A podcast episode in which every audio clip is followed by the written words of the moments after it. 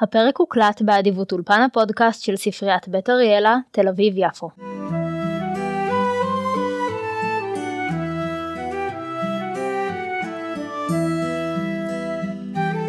ברוכות וברוכים הבאים למסע לא צפוי, פודקאסט טולקינאי.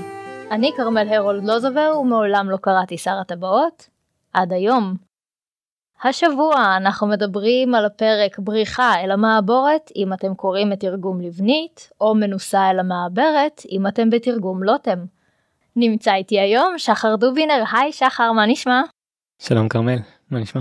בסדר גמור, שחר ואני מכירים, אנחנו ביחד באוניברסיטת תל אביב, לא באותה מעבדה, אבל בבית הספר לזואולוגיה, אבל המאזינים שלנו אולי לא מכירים אותך, אז אני אשמח אם תציג את עצמך. אז אני שחר דובינר, אני סטודנט לזואולוגיה באוניברסיטת תל אביב, מאוד אוהב לקרוא ובמיוחד יש לי מקום חם בלב לשר הטבעות. מתי נחשפת לראשונה לספרים של טולקין ומה המקום שלהם בחיים שלך? בפעם הראשונה זה היה בשבוע הספר, הלכתי עם אבא שלי וככה ראינו את, את ההוביט ואת שר הטבעות וזה בדיוק תקופה שיצאו הסרטים אז אה, דיברו על זה אז נורא רציתי לקרוא את זה אז קנינו אותם הוא נורא ניסה לשכנע אותי לקנות את שר הטבעות בכרכים נפרדים ואני התעקשתי שאני רוצה אותם בכרך גדול כי מה יקרה אם אני אגיע לסוף של אחד ולא יהיה לי את השני ואני ארצה להתחיל את השני ולא יהיה לי? אז בסוף הוא נכנע אבל הוא אמר לי שהספר הזה הולך להיהרס כי הוא בכריכה רכה אז הוא צדק את יכולה לראות פה את המצב של הספר. אבל גם אני צדקתי כי עוד לא הצלחתי בחיים להתחיל רק ספר אחד ולסיים רק ספר אחד. התכוונתי לקרוא את הפרק לפני ההקלטה ואני כבר אה, עמוק לתוך אה, שני הצריכים. יש, אה, יש פה את הספר של אה, שחר ואני נמצאת פה עם אה, הספר שלי, הם נקנו באותה שנה, רק שחר קרא את הספר שלו קצת יותר פעמים ממני, בהחלט רואים שיש לו פזם. כן, אין לו פינות, הוא עגול. שחר, יש איזושהי דמות שאתה אוהב במיוחד מהספרים? אז אני אוהב במיוחד את פיפין כי הוא יותר מכל שאר הדמויות הוא הכי לא מצויד בשום צורה להתמודד עם ההרפתקה שהוא נמצא בה והוא פשוט רוצה להיות בה כי כי מתחשק לו וכי זה נראה לו מגניב הוא פשוט לא כי לא הגיוני שכולם ילכו והוא לא כן אבל הוא לא אין לו שום כלי להתמודד עם זה וכן אז זו הדמות האהובה עליי אבל הדמות הכי טובה לדעתי ללא ספק בספרים מגולום. פגשנו אותו לא ישירות, זאת אומרת בעיקר אנחנו שומעים עליו. הוא הוזכר, כן. ואם גנדלף חושב שיש לו תפקיד אז אני מחכה לפגוש אותו. בעניין השם של הפרק אצל לבנית זה נקרא מעבורת כמו המעבורת שהייתה במעבורת בקלברי שראינו באחד הפרקים הקודמים ולמעשה התרגום הנכון הוא מעברת מנוסה אל המעברת שמעברת זה פורד זה מה שנקרא גשר אירי זה בעצם מעבר שבו הנהר הוא רחב ורדוד ואפשר לחצות אותו בעצם דרך המים. אני לא הבנתי את זה בכמה קריאות הראשונות וכל פעם ציפיתי שנגיע לאיזושהי מעבורת לאיזושהי סירה. כן גם אני אני קוראת את שני התרגומים אני מתחילה בדרך כלל מתרגום לבנית ו- וציפיתי גם למעבורת אה, נוספת כמו שכבר פגשנו. אז כן, אז זה משהו, זה משהו אחר, שאגב, אנקדוטה זה שזה נקרא גשר אירי בגלל מלחמת אירלנד אנגליה, מלחמת העצמאות של אירלנד אחרי מלחמת העולם הראשונה.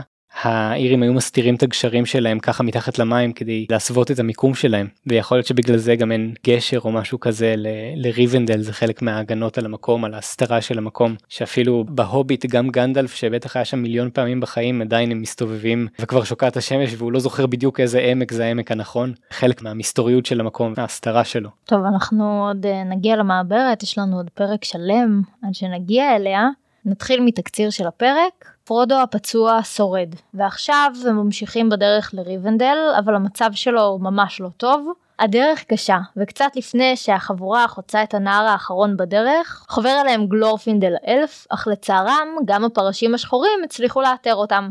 הפרשים תוקפים, פרודו מנסה להימלט, וכוח מסתורי מפעיל את הנהר ששוטף משם את הפרשים ומציל את פרודו.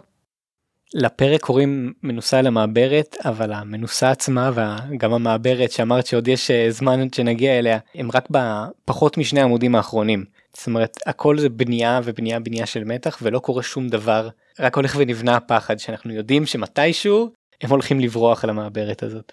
כן, אנחנו בכלל מתחילים מזה שבסוף הפרק הקודם עזבנו את פרודו במצב של עילפון והוא פצוע ובכלל לא ברור לנו מה יהיה, לא ידעתי מה קורה עם שאר החבורה.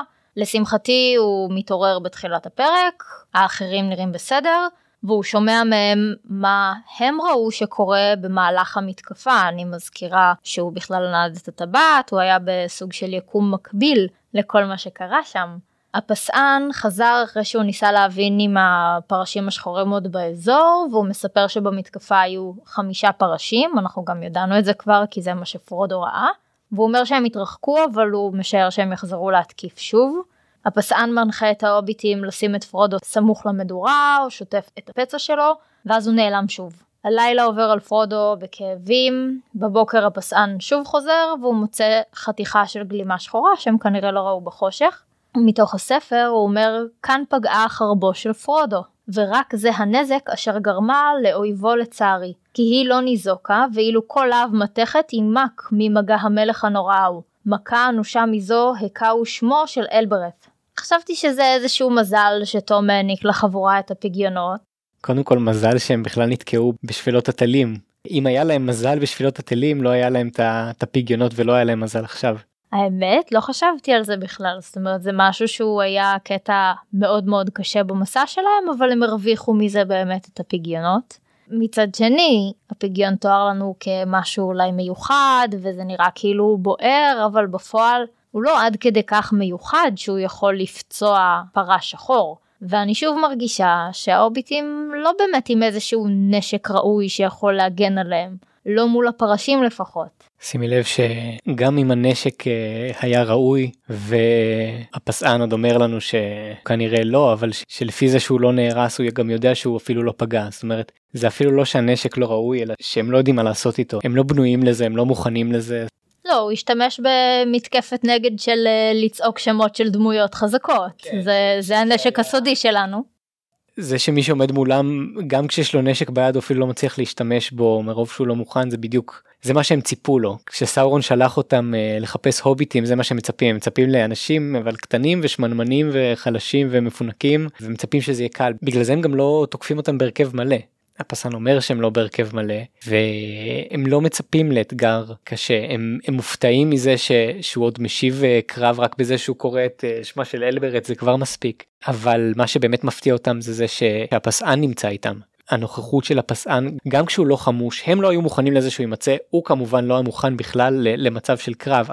החרב שלו ראינו היא שבורה הוא תוקף אותם עם חתיכות של מקלות בוערים אבל זה מספיק בשביל לעשות את העבודה אחרי שהם פצעו את פרודו. הם מעדיפים לא להסתבך כשהם לא בהרכב מלא. אף אחד כאן לא מוכן למה שקורה הכל קרה כל כך מהר. גילו שגולום יודע שהטבעת התגלתה, סאורון גילה שהטבעת התגלתה, הוא גילה שהיא אצל האויבים שלו, הוא נכנס לפאניקה, הוא רוצה את הטבעת עכשיו, הוא לא עושה שום הכנות הוא לוקח את התשעה. לוקח את הכוח החלוץ הראשון שהוא מסוגל לשלוח פשוט שולח אותם כן, לחפש והם, הוביט. הם, הם משרתים הכי חזקים שלו אבל הוא אומר להם בגינס פלך תחזרו עם הטבעת. מצד שני גם גנדלף לא מבין את חומרת המצב לא מבין כמה הכל דחוף. נוסע לחוץ לארץ נעלם משאיר פתקים אצל ברלימן ומקווה שזה יגיע לאן שהוא ארגון מגיע לשם לא חמוש אף אחד לא בא לאסוף אותם מהפלך אלא שולחים אותם זאת אומרת כולם כל כך לא מוכנים הכל נופל על כולם בהפתעה לא רק על פרודו. שזה אולי מזל לפעמים זה ביש מזל אבל אם סאורון של חצי שנה אחר כך של הספרים המאוחרים היה קצת בונה את הכוח שלו ושולח צבא להביא את פרודו לא היה סיפור לא היה ספר. זה היה נגמר אחרי פחות מ-1200 עמודים. כן. הפסען אחרי שהוא uh, מסתובב שם באזור הוא מוצא גם את הפיגיון שדקר את פרודו והקצה שבור אני חשבתי שיש מצב שזה מספר לנו שיש חתיכה מעליו שתקועה עדיין בכתף של פרודו, אבל אין לי מושג. ובאור השמש הלהב של הפגיון נמס, נותר רק הניצב. זה איזשהו נשק זדוני מיוחד, הפציעה שלו בעייתית לריפוי. מסתבר שכשהפסען נעלם זה היה בשביל לחפש איזשהו צמח מרפא נדיר בשם אטלס, והוא גם מצא אותו ויכול להיות שזה יעזור. העניין הוא שהצמח הזה הוא מאוד נדיר או אולי אפילו בכלל לא אמור להימצא באזור הזה אז לא הבנתי למה הוא כל כך בנה על זה שהוא יסתובב עד שהוא ימצא אותו. קודם כל הפסען מסתובב כבר כמה עשורים באזורים האלה משוטט uh, בדיוק במקומות האלה הוא מכיר אותם uh, כאת כף ידו גם הוא גשש מעולה ואיש שטח שהוא מזהה הוא אומר להם שהוא זיהה את הצמח לפי הריח שלו בחושך והוא כנראה גם נתקל בו באזור והוא יודע שזה צמח לא מקומי שהתפוצה שלו מוגבלת לגונדור בארץ התיכונה כי הוא בעצם צמח פליט תרבות שהביאו אנשי מערב ים שמתי פה את ההגדרה מתוך אה, המגדיר לצמחי בר בארץ ישראל של צמח פליט תרבות הוא צמח תרבות שגדל במידה מועטה גם במקומות בור אז זה גם מסביר למה הוא כל כך נדיר במקומות האלה זאת אומרת זה צמח שהוא לא אמור להיות שם הוא מצליח להתמודד להסתגל אבל לא נפוץ הוא לא מפיץ את עצמו כנראה הפסן ידע בדיוק איפה הוא אמור להיות. הוא מכין מהצמח חליטה, הריח של החליטה מרגיע את כולם, חליטה מקלה על פרודו, אבל היד שלו עדיין רדומה, ופרודו חלש מכדי ללכת בעצמו. בבוקר למחרת הם ממשיכים בדרך כשפרודו רוכב על הסוסון. הם מתקרבים לדרך המלך, הם חייבים לפחות לחצות אותה בדרך שלהם, והם שומעים קריאות של הפרשים במרחק, אז הם חוצים את הדרך לאיזשהו שטח פראי וממשיכים דרומה. נראה שמצב הרוח הכללי ירוד, פרודו סובל מכאבים, וככה הם עוברים עוד ארבעה ימים, שבהם הם די לא פוגשים אף אחד. די כל הפרק הם לא פוגשים uh, כמעט אף אחד. עד שבסוף הם פוגשים את כולם. כן, זאת אומרת כל הפרק הם uh, הולכים, לא קורה כלום, פתאום פעם פעם פעם פעם פעם, לא קורה כלום. פעם פעם פעם פעם פעם, לא קורה כלום. אבל הם נמצאים כל הזמן בחשש, בעיקר בלילות, הם לא באמת יודעים אם ומתי הפרשים ישובו לתקוף אותם. ביום השישי, מאז המתקפה, הם רואים נהר בשם כסוף עין, הוא נהר גועש, הדרך היחידה לחצות אותו היא דרך הגשר האחרון, זה השם של הגשר, שאליו מגיעים מדרך המלך. נרמז לנו שיש רמות טרולים מצפון לריבנדל, ובהמשך הפרק אנחנו גם באמת נפגוש אותם, אבל מתחילים לטפטף לנו כל מיני דברים על טרולים במהלך הפרק הזה. אחרי הנער הם כבר רואים נער נוסף, נער ברוינן של ריבנדל, שאותו חוצים במעברת. הפסען אומר שהוא עוד לא החליט איך הם יעברו אותו, והוא מקווה שהאויב לא אורב שם. ולי הייתה בדיחת אה, אבא, אני מתנצלת מראש, אמרתי כשנגיע לגשר נחצה אותו או לא, תלוי בפרשים. אז למחרת הם מגיעים לגשר האחרון, שם הם לא רואים פרשים באזור והפסען יוצא רגע לגשש לראות מה קורה שם והוא מוצא איזושהי אבן ירוקה, אבן חן בשם תרשיש, זאת אבן של אלפים. לא ברור לנו אם היא נפלה שם במקרה או הונחה בכוונה, אבל הפסען אה, מחליט להתייחס לזה בתור איזשהו סימן שדווקא לוקח את זה כסימן טוב. הם חוצים בבטחה את הגשר וממשיכים בדרך בגבעות שמרגישות מאיימות. מדי פעם הם רואים שרידי מבנים עתיקים וגם הם מבשרים רעות, לפי מה שטולקין כותב לנו, ואני לא כל כך הבנתי למה עצם זה שיש שם שרידים מבשר רעות. כשטולקין כותב את זה הוא יודע בדיוק למה הם מבשרים רעות, הוא בכוונה לא מפרט על זה כאן. הוא משאיר לנו את זה שלמי שמכיר קצת יותר את האזור או למי שחי בהקשר הזה הם אה, מבשרים רעות בגלל דברים שלא קשורים לעלילה של שר הטבעות ישירות וזה חלק ממה שטולקין עושה שוב ושוב ושוב של ליצור עולם שהוא הרבה יותר גדול מממדי העלילה עצמה זאת אומרת אם דברים כאלה הוא גורם לנו להרגיש שהעלילה היא חלק קטן זאת אומרת שזה ספר בתוך עולם ולא עולם בתוך ספר או משהו כזה.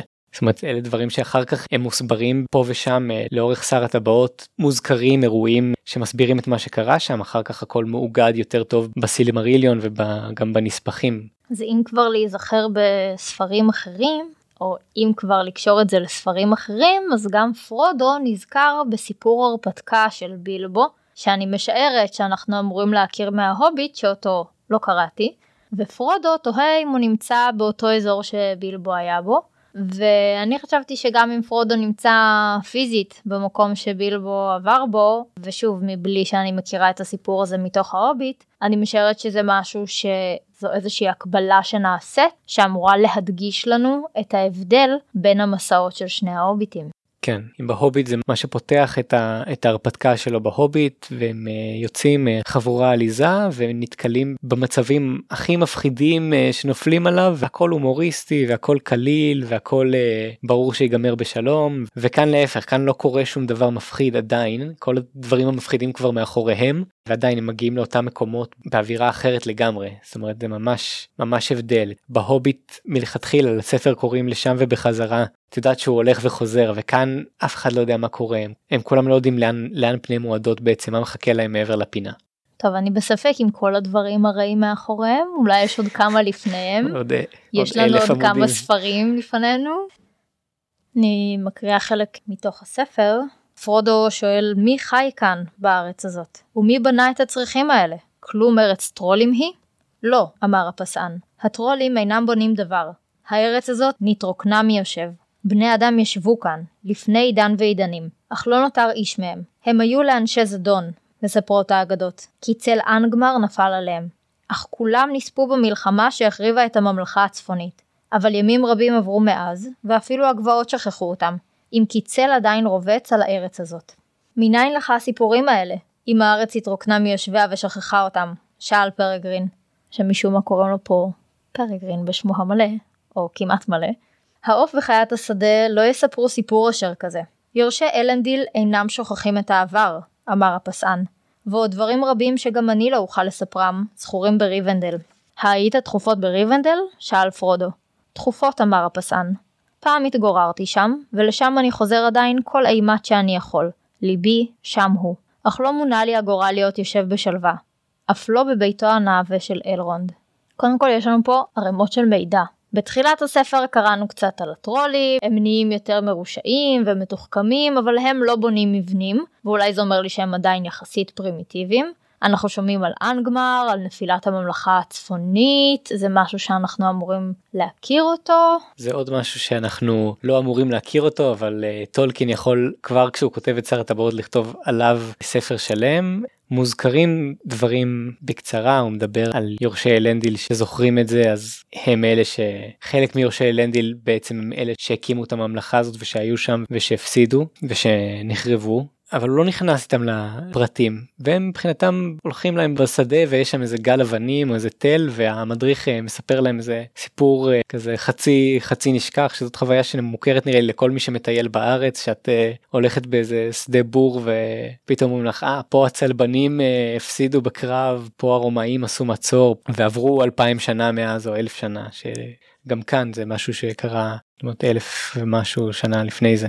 עכשיו אם נכנסים טיפה יותר לעומק של מה באמת קרה שם אז זה לא סתם הוא משבץ את זה דווקא בפרק הזה והפרק הזה עמוס ביותר כישורים למיתולוגיה הרחבה יותר נגיד לסילמריליון ולסיפורים אה, של העידנים הקודמים מאשר כמעט כל פרק אחר בספר. אז אם את רוצה להיכנס לעומק של מי באמת האנשים האלה שחיו שם לפני שאנגמר מי שזה לא יהיה כן כרגע אנחנו לא יודעים לפני שהתרבות שלהם נחרבה לגמרי אז אלה בעצם אבות אבותיו של הפסען עצמו שהוא ושאר הנוטרים הם אה, מה שנשאר מהם והם עדיין מסתובבים בארצות החרבות האלה. ומי שהחריב בעצם את הממלכה הזאת זה אנגמר והמלך המכשף של אנגמר שהם יש להם או אין להם קשר לפרשים השחורים אה, על זה ידובר בהמשך והמעגלים האלה הולכים ומתרחבים. כל דבר שקורה כל אזכור כלשהו של העבר יש סיבה עמוקה לזה שזה נמצא דווקא בפרק הזה בכמה רבדים. זה הזכיר לי פתאום היום זה הזכיר לי את uh, יאיר זקוביץ' חתן פרס ישראל לחקר המקרא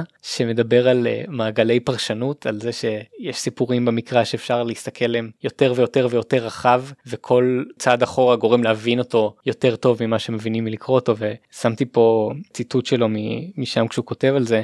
אז הוא אומר גם אם הקורא בטוח כי גילה על נכון את ראשית הסיפור וסיומו עדיין חייב הוא תשובה לקושייה הבאה האם הסיפור הוא יחידה ספרותית עצמאית, הניתנת וחייבת להתפרש ללא זיקה לסביבתה הספרותית, או שמה נכתב הסיפור כחלק ממערכת רחבה יותר, שעליה הוא מקרין מאורו, וממנה הוא מקבל את אורו שלו.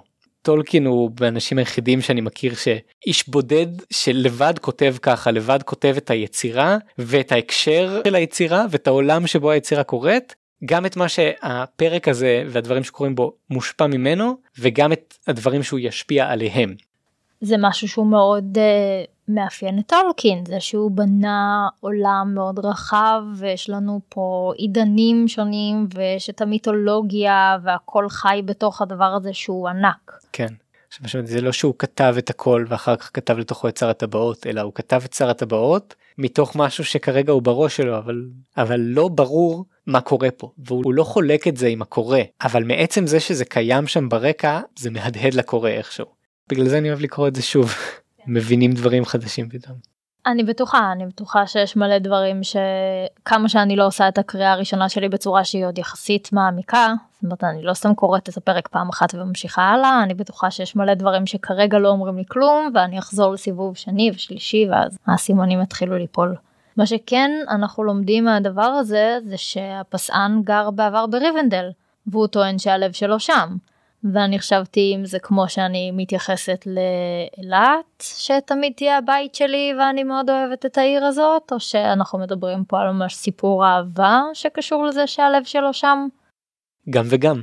בפרק הקודם שאמרו לו בוא תשאיר לנו שיר על זה והוא אומר לא לא זה מדכא בואו אני אשאיר לכם אה, משהו אחר. שיר ו... על uh, שני אוהבים שבסוף הם מתים כן. לא מדכא בכלל. שיר בלוז כזה הארדקור שזה סיפור שאחר כך מי שקורא את הנספחים מבין שזה סיפור שהוא לא סתם קשור לסיפור האהבה שלו אלא סיפור שהוא מקביל לסיפור האהבה שיש לו בריבנדל הוא כשהוא ראה את ארוון לראשונה הוא קרא לה לותיין טינוביאל זאת אומרת מבחינתו השיר הזה והסיפור הזה זה השיר, זה השיר והסיפור שלו וזה מראה שזה מה שקורה לו בראש זה מה שמתנגן לו בראש כל הזמן כשהם הולכים הם בסכנות והם בסכנת מוות והעולם הולך להשתנות אבל הוא מה שהוא חושב עליו זה על אה, מישהי שמחכה לו בריבנדל.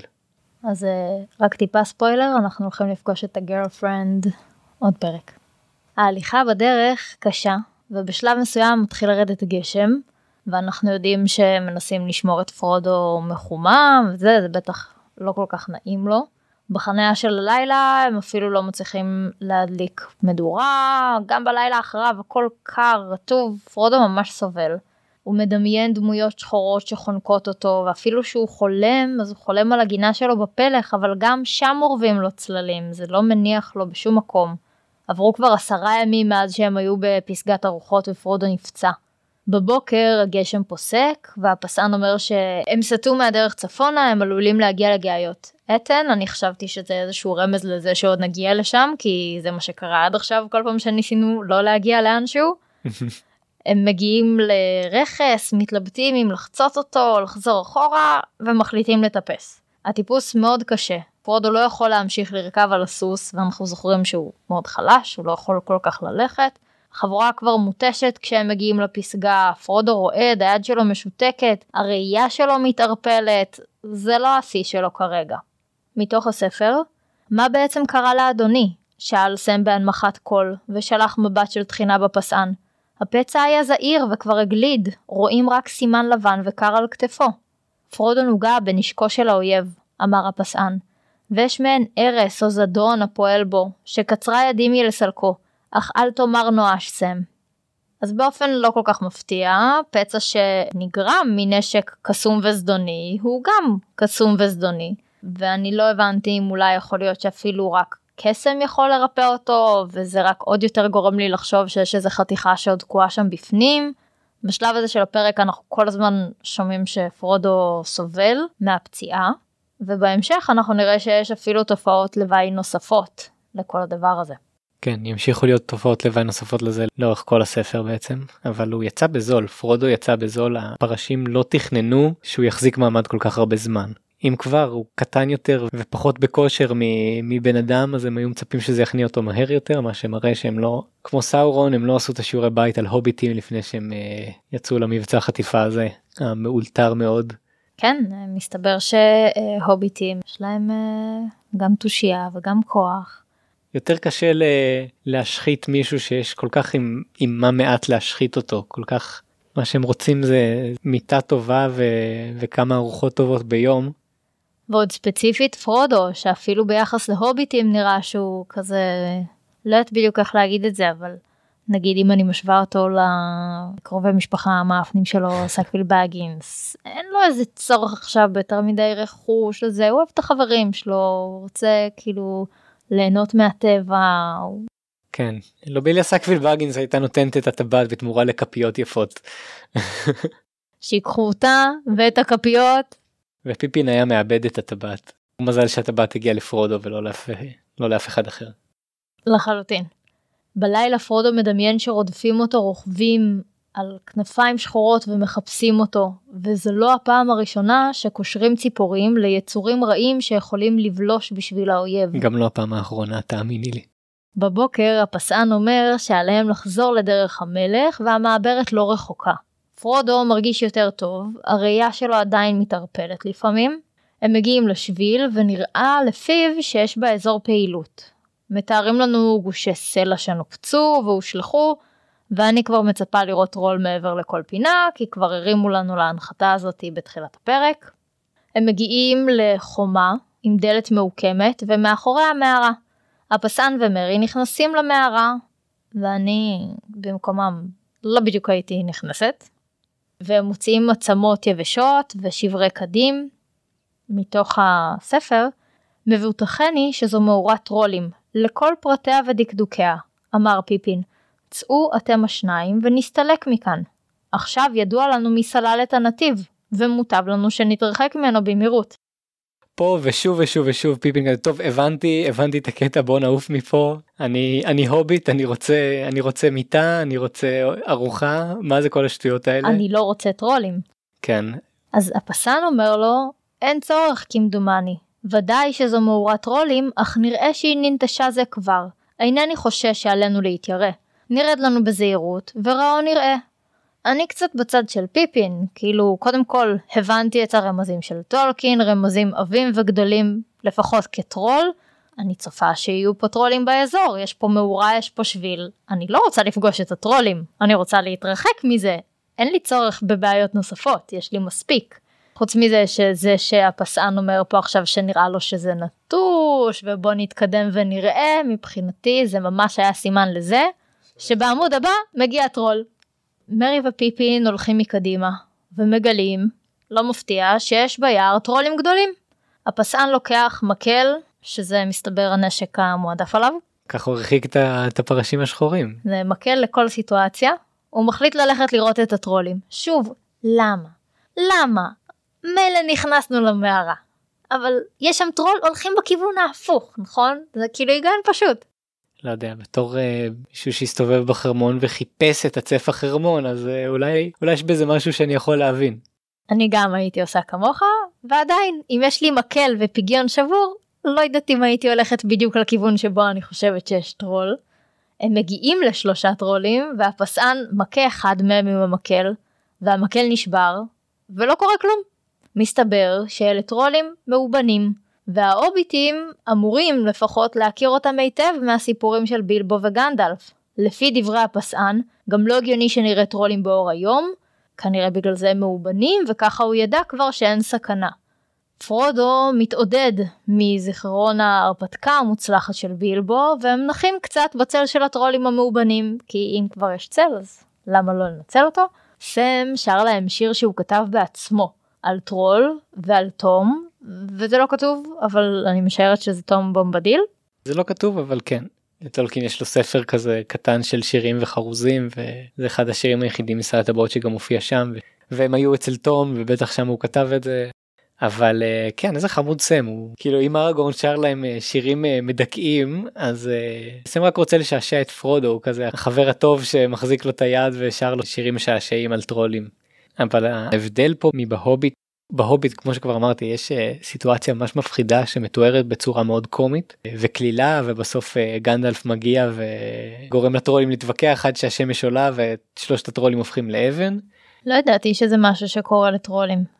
בעולם של טולקין מסתובב. כן בעולם של טולקין גם יצורי האופל הם לא אוהבים להסתובב בשמש בדרך כלל. החרב. החרב נכון החרב מתפוגגת אה, בשנייה בשנייה שהשמש זורחת עליה. כן זה משהו ש, שמשותף לכל היצורים של סאורון אם יהיה לזה יוצאי דופן מתי זה יהיה מאוד בעייתי. כאן יש דווקא סיטואציה שהיא קומית זה מבנה של בדיחה אז את מצפה למשהו ואז יש פאנצ' ליין הטרולים הם מאבן והוא שובר אותו עם המקל איזה מזל שלא השתמשת ביד חככי חכככה וברקע יש מין כאילו לא יודע מה הפסקול עושה קונטרבאס עמוק כזה רוטט כזה כי משהו הולך ומתקרב אנחנו יודעים שלפרק קוראים מנוסה אנחנו יודעים שהפרשים יגיעו ופשוט כאילו פשוט יש לנו קטע קליל קטע מעבר כזה קליל. אה. בסוף אנחנו כן פגשנו את הטרולים אבל הם לא עשו לנו בעיות. אחרי זה הם ממשיכים ללכת הם מגיעים לאבן עם חריטות בשפת הגמדאים. שוב מזכירים את ההרפתקה של בילבו והאוצר ופרודו מספר שלא נשאר ממנו כלום. בילבו חילק את הכל כי הוא הרגיש שהאוצר לא שלו כי הוא הגיע משודדים. ואני הבנתי שבמרכאות נפתרה לי התעלומה בעניין הכספים של בני בגינס, כי אנחנו לא באמת ידענו אם נשאר כסף, לא נשאר כסף, לא ראינו אה, כסף במעון באג, אנחנו לא ידענו, זאת אומרת אנחנו ידענו שפרודו לא יצא איתו עם המון כסף, הוא אפילו חושש באיזשהו שלב אה, שהפסן יבקש ממנו איזה מחיר שהוא לא יכול לשלם כשהוא רק פוגש אותו, אז אין כסף, אין אוצר, זהו. כן, יש את החלק מהאוצר השני בהוביט שהוא השתמש בו, יודע, לשפץ את הבית, לקנות לעצמו כפתורים מזהב, זה לא האוצר שה, שהאגדות מספרות שיש לו, שהילדים של ההוביטים הולכים לחפור לו במחסן ברגע שהוא עוזב את הבית. אבל הקטע הזה מאוד עוזר להבין את האופי של בילבו בגינס, שהוא פשוט מה היה אכפת לו לשמור לעצמו את האוצר הזה אבל uh, הוא מרגיש uh, זאת אומרת, יש לו, יש לו מוסר שאם הכסף הזה גנוב אז למה שאני אחזיק אותו אני אחלק אותו. והדבר השני זה שזה עוד יותר מראה את הכוח משיכה של הטבעת ואיזה בן אדם נדיב היה צריך להיות בשביל לוותר על או לא נדיב אבל בן אדם ש, שלא אכפת לו מאוצרות בשביל שבילבו שחילק את הכל. כן הוא חילק היה שם ארגזים של זהב שהם קברו אחר כך ורק הוא לקח את זה. הוא זה שחזר בדרך הזאת וארגזים של זהב הוא חילק אותם ואת הטבעת הזאת היה לו כל כך קשה לוותר עליה עבור הדודן הכי אהוב שלו והיה צריך אה, את כל הכוח שכנוע של גנדלף בשביל שהוא יוותר עליו. זאת אומרת כל בן אדם פחות מזה לא היה מצליח לוותר על הטבעת. אנחנו גם יודעים שהוא היחידי שוויתר על הטבעת כן. והעביר כן. אותה. ההליכה נמשכה בדרך המלך. קצת לפני ההתארגנות לחניית הלילה שומעים פרסות וכולם מסתתרים בצמחייה. אני חשבתי... הופה, אפקטים. אני חשבתי שזה היה לנו כמו מין איזה הסחת דעת שהיינו אמורים לפחד לרגע מהטרולים ובעצם זה לא קרה והנה עכשיו מגיע הדבר שצריך לפחד ממנו. כמובן שחשבתי שמדובר בפרה שחור וכנראה גם החבורה חשבה ככה הם, הם לפחות חשבו שעדיף להסתתר כדי להבין מי מגיע ולא שפשוט יראו אותם שם. אבל הצליל של הפרסות הוא שונה. ואפילו מהצליל נראה שהפסען שמח, וכשהסוס והרוכב נגלים זה בהחלט לא פרה שחור. יש איזשהו רוכב שמדבר בשפה שאני לא מבינה, ומצליל הקול ההוביטים כבר ללא ספק מבינים שמדובר באלף. הם יוצאים מהשיחים והפסען מציג את הדמות כגלורפינדל מבני ביתו של אלרונד. וזו הפעם הראשונה שאנחנו פוגשים את גלורפינדל אז שחר מה תוכל לספר לנו על הדמות שלו אה, עם מינימום ספוילרים עד כמה שאפשר. אי אפשר לעשות המון ספוילרים לגלורפינדל לשר הטבעות כי הוא ישחק כאן תפקיד הוא לא ישחק כאן תפקיד בקנה מידה שהיה אפשר לצפות מהגודל של הדמות הזאת. אבל אני כן יכול לספר עליו המון דברים אה, מחוץ לשר הטבעות. זאת אומרת הוא אחד הגיבורים הגדולים של העידנים הקודמים בעצם דובר כבר בספר על, על גונדולין ועל המפלה של גונדולין ועל אה, זה שזה היה סיפור מאוד מאוד גדול בזמנו. גלורפינדל בעצם היה שם כבר אז הוא מאוד מאוד זקן זאת אומרת הוא מהדמויות העתיקות שנפגוש כאן והעוצמתיות והוא די לבד הגן והציל את כל האלפים שנמלטו מגונדולין כשהיא נחרבה ושארית הפליטה שחלק ממי שנמצא בזמן הספר בארץ התיכונה זה אלה שניצלו אז גלורפינדל גם היה מהמנהיגים של המלחמה שבסופו של דבר הביסה את אה, ממלכת אנגמר שהשתלטה על הצפון. הוביל את הקרב בעצם יחד עם ה... יחד עם הדונדן להגן על. על מה שנשאר מהממלכות של, אה, של ארנור בצפון נגד אה, הפלישה של אנגמר והביס בסופו של דבר את אנגמר. גלורפינדל הוא גם זה שבסוף של אותו קרב כשהמלך המכשף של אנגמר נמלט הוא זה שניבא את הנבואה לגביו תזכרי את הנקודה הזאת כשתהיי בשדות הפלנור עד אז אה, יכולה לשכוח מזה. זאת דמות היסטורית זה רמטכ"ל לשעבר מעוטר שבחים. גלורפינדל מספר לנו ששלחו אותו מריבנדל למצוא את החבורה לפני תשעה ימים כי חששו לשלומם אז עכשיו אני מבינה למה שלפו בריבנדל את התותחים הכבדים. מתוך הספר שמועות מדאיגות הגיעו לאוזנו של אלרונד. אחדים מבני עמי שעברו בארצכם מעבר לברנדיוויין שמעו כי הדברים אינם מתנהלים כשורה, וחיש מהר העבירו קול. הם אמרו כי התשעה מתהלכים בארץ, ואתה טועה בדרכים ללא מורה דרך, נושא נטל כבד, וגנדלף עדיין לא שב.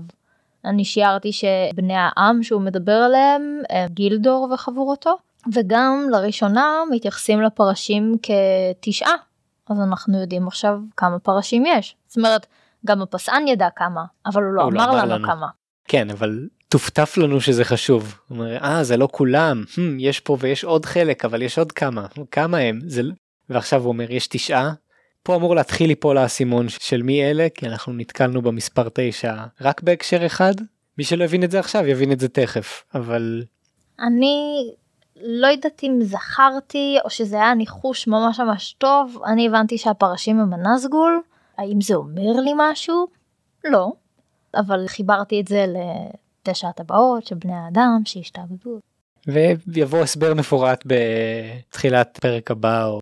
אז גלורפינדל יצא לחפש אותם בדרך המלך הוא באמת השאיר את האבן שהפסן מצא על הגשר האחרון בכוונה כסימן זה היה כבר לפני שבעה ימים. הם כנראה מתים מפחד גם גנדלף גם גלורפינדל כל האנשים האלה הכי עוצמתיים כי הם היו יכולים להשאיר איזשהו פתק אה, הייתי פה בתאריך כך וכך לא גנדלף משאיר גימל שלוש שכאילו אני אם הייתי רואה את זה הייתי חושב אה, גימל שלוש תמיד בראש. כן. כן הם, הם משאירים סימנים מאוד vague כזה. והוא משאיר פשוט לקחת אבן. מה יש לי בארנק אה יש לי פה תרשיש בוא נזרוק תרשיש על הגשר נשים אותו בתוך בוץ ומזה הם יבינו שהגשר פנוי ואפשר לה...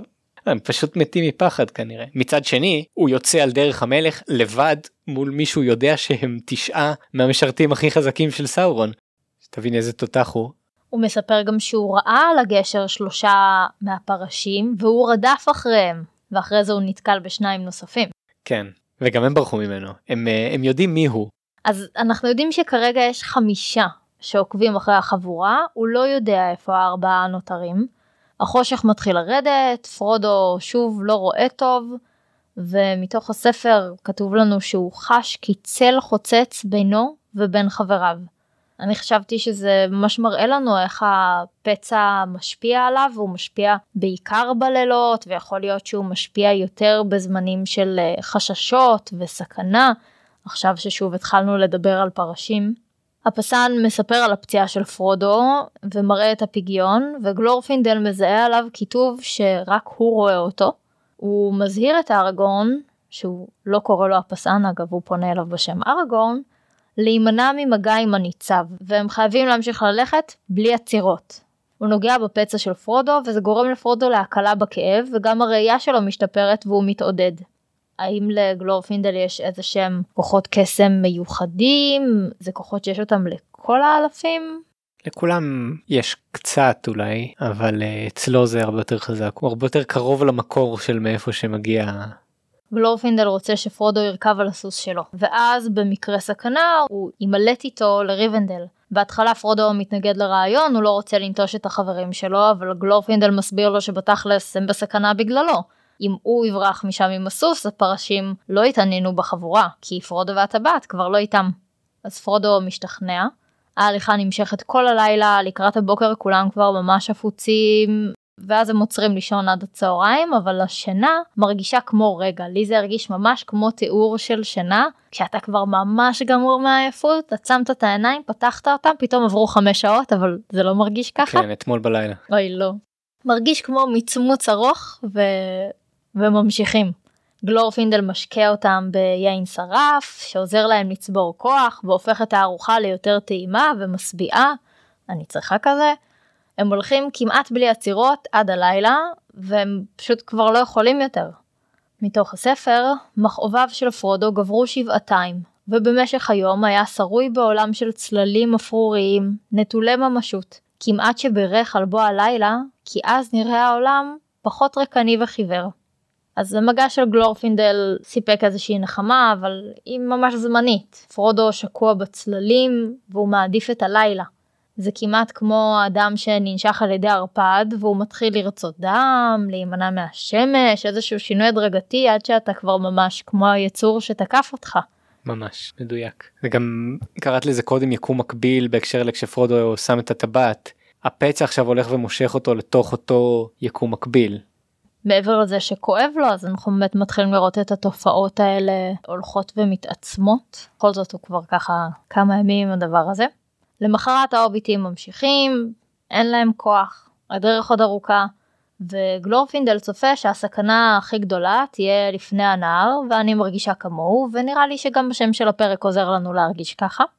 בערב הם רואים לפניהם את המעברת, ובדיוק אז נשמעים הצלילים מהם חששנו.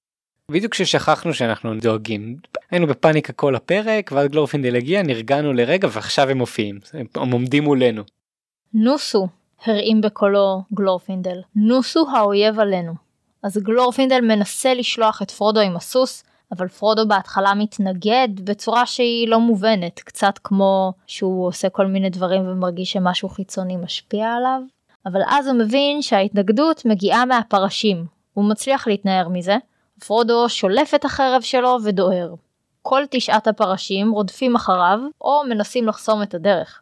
מתוך הספר נראה לו שהם דוהרים כרוח וככל שנתקרב מסלולו למסלולם כך נדמה שהם גדולים יותר וקודרים יותר. דומה כי אין לו סיכוי להגיע למעברת בטרם יחסמו העורבים את דרכו. עתה ראה אותם בבהירות. דומה שהסירו את ברדסיהם ואת גלימותיהם השחורות, ולבושם היה הלבן ואפור. חרבות היו חשופות בידיהם החיוורות, ולראשיהם חבשו קסדות. עיניהם הקרות נוצצו, והם קראו אליו בקולותיהם המבעיטים. למה צריך קסדה אם אתה כבר מת, אבל בסדר. או חי מת? צריכים את הקסדה כמו שהם צריכים תראי את הגלימות הם לובשים בשביל לתת לעצמם צורה אבל הקסדות בעצם עכשיו אני קולט שהם באמת נמצאים עליהם זאת אומרת זה בדמות האמיתית שלהם. אבל כן החרבות שלהם אמיתיות הקסדות שלהם אמיתיות. פרודו רואה ושומע את הפרשים בצורה בהירה אפילו שהטבעת לא עליו עכשיו. הוא כבר חצי בעולם שלהם אז הם רואים אותו וקודם גם הם לא ראו אותו לא רק הוא לא ראה אותם הם לא ראו אותו הם היו צריכים לרחח אותו הם היו צריכים להיעזר בסוסים עכשיו כשהוא רואה אותם הם גם רואים אותו והם דוהרים ישר אליו הם, הם, הם יודעים איפה הוא נמצא הם יכולים לתקשר איתו לקרוא לו למשוך אותו אליהם בכוח שלהם. נכון מי, ש, מי שלא נמצא בעולם הזה שומע איזה שהם צרחות הוא לא מבין את הפשר שלהם ופרודו מבין את המילים שהם אומרים. כן והם עכשיו גם יכולים לקרוא לו לזמן אותו אליהם מה שהם לא יכלו לעשות uh, בהתחלה כשהם חיפשו אותו uh, בפלך זאת הסיבה שהם חיכו עד עכשיו בעצם ולא התנפלו עליו ישר נתנו לו להגיע למצב הזה לפני שהם הסתערו. אני חשבתי שזה מקביל לכל מיני חיות ארסיות בטבע שהן נגיד נושכות את הטרף שלהם אבל הן לא נאבקות איתו. הארס מתחיל להשפיע, החיה נחלשת ואתה רק צריך לעקוב מהצד עד שהיא נשברת. ממש, דימוי מעולה. מה שקורה זה שהסוס קופץ עם פרודו לנהר, מצליח לחצות אותו, וכל הפרשים הגיעו לשפת הנהר, הם כרגע מהצד השני אבל פרודו מבין ששום דבר לא עוצר אותם מלחצות בדיוק כמוהו. והוא לא יצליח להימלט עד ריבנדל. הוא שוב מרגיש שהפרשים מנסים לעצור אותו מלברוח, והוא שולף את החרב ומאיים עליהם, אבל הם צוחקים עליו. הוא אומר, בשם אלברס ולותיאן נאווה, אמר פרודו במאמץ אחרון והניף את חרבו. היו לא תהיה לכם הטבעת, וגם אני לא אהיה לכם. אז הנה שוב שלפנו את נשק יום הדין האהוב עלינו, לצעוק שמות של אלפים. יש לי הרגשה שזה לא כל כך יעבוד לו הפעם, ובאמת המנהיג של הפרשים מניף את היד שלו, זה גורם לפרודו להשתתק והחרב שלו נשברת. וככה גם הלך הפלן בי שלנו, למרות שכבר הבנו שהחרב הזאת בעיקר יכולה לחרב לפרשים את הבגדים. בדיוק המסר שעובר כאן הוא ברור כאילו מה שווה חרב קטנטנה משפילות התלים ועוד בידיים של איזה הוביט מהפלך מול, ה, מול המלך המכשף של הנזגול מה, מה זה כבר יכול לעשות. זה הכל נראה די אבוד אבל פתאום הנהר גועש, ופרודו חושב שהוא רואה שלהבות אש לבנות ואולי פרשים לבנים על סוסים בתוך המים. הפרשים שהחלו לחצות את הנהר נבלעים, האחרים נסוגים. פרודו גם חושב שהוא רואה דמות זוהרת ודמויות קטנות שמניפות לשונות אש, אבל הוא מעורפל לגמרי כבר. הפרשים קופצים כולם לנהר ונסחפים, ופרודו מתעלף. יש לנו שוב איזשהו סוף דרמטי, עוד פרק שנגמר בזה שפרודו מתעלף. האם גנדלף סוף סוף הגיע? אני ממש הרגשתי שזה הדמות שאנחנו רואים עם הלשונות של האש, אם זה לא הוא אז, אז מי הגיע לעזור להם? ובהתאם לזה שפרודו סיים את הפרק הקודם מאולף והתעורר במצב שהכל כבר נרגע וכולם בטוחים, אני חושבת אם גם בפרק הבא יהיה לנו את המזל הזה, או שאולי נגלה שהפעם כן נגרם נזק כשאנחנו מתעוררים, אם אנחנו מתעוררים. פם פם פם. ובעצם ככה נגמר לנו הפרק. כן, וואי, איזה שני עמודים מפוצצי אקשן. האמת שלא רק שנגמר לנו הפרק, אלא גם נגמר הספר הראשון בכרך הראשון. זה אומר שהפרק הבא שלנו הוא כבר חלק מהספר השני. אז בכלל זה כאילו סיום עונה אם זאת הייתה סדרת טלוויזיה, או סיום אה, חצי עונה בעונה שלנו פה בפודקאסט, חייבים לסיים בבום. יש uh, לקורט וונגוט יש לו קטע שהוא מדבר סופר שהוא מדבר על הצורות של סיפורים מצייר סיפורים כצורות שונות. אחד זה קו עולה קו יורד אחד זה קו יורד קו עולה וכל מיני כאלה אז uh, אני חושב ששר הטבעות יהיה מין זיגזג מטורף. כן, מין עלייה ירידה עלייה ירידה שכל עלייה וכל ירידה יותר גדולה מהעלייה והירידה שהייתה לפניה. ככה כל הספר זאת אומרת הייתה לנו עלייה קטנה ירידה קטנה עלייה יותר זה כל פעם גם ביער אחרי זה עם, עם הפרשים.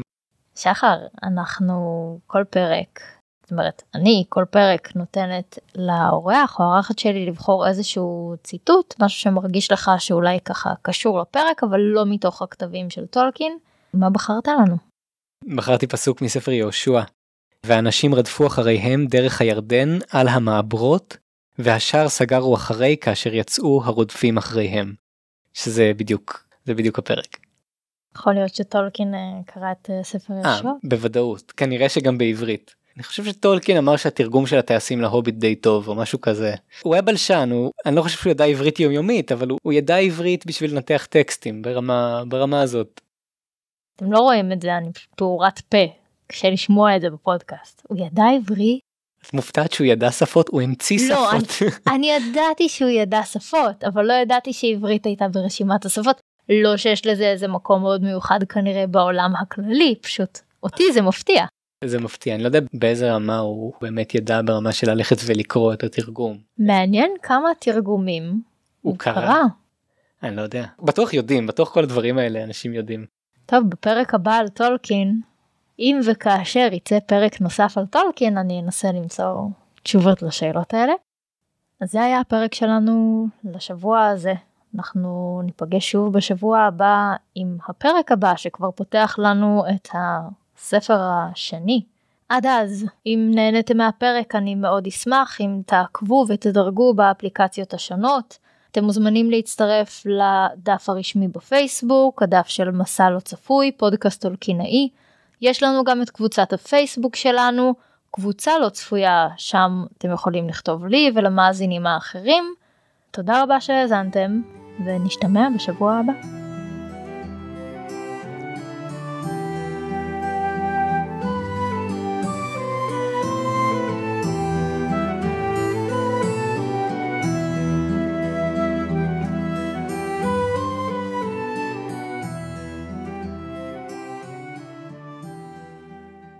הפרק הוקלט באדיבות אולפן הפודקאסט של ספריית בית אריאלה, תל אביב-יפו.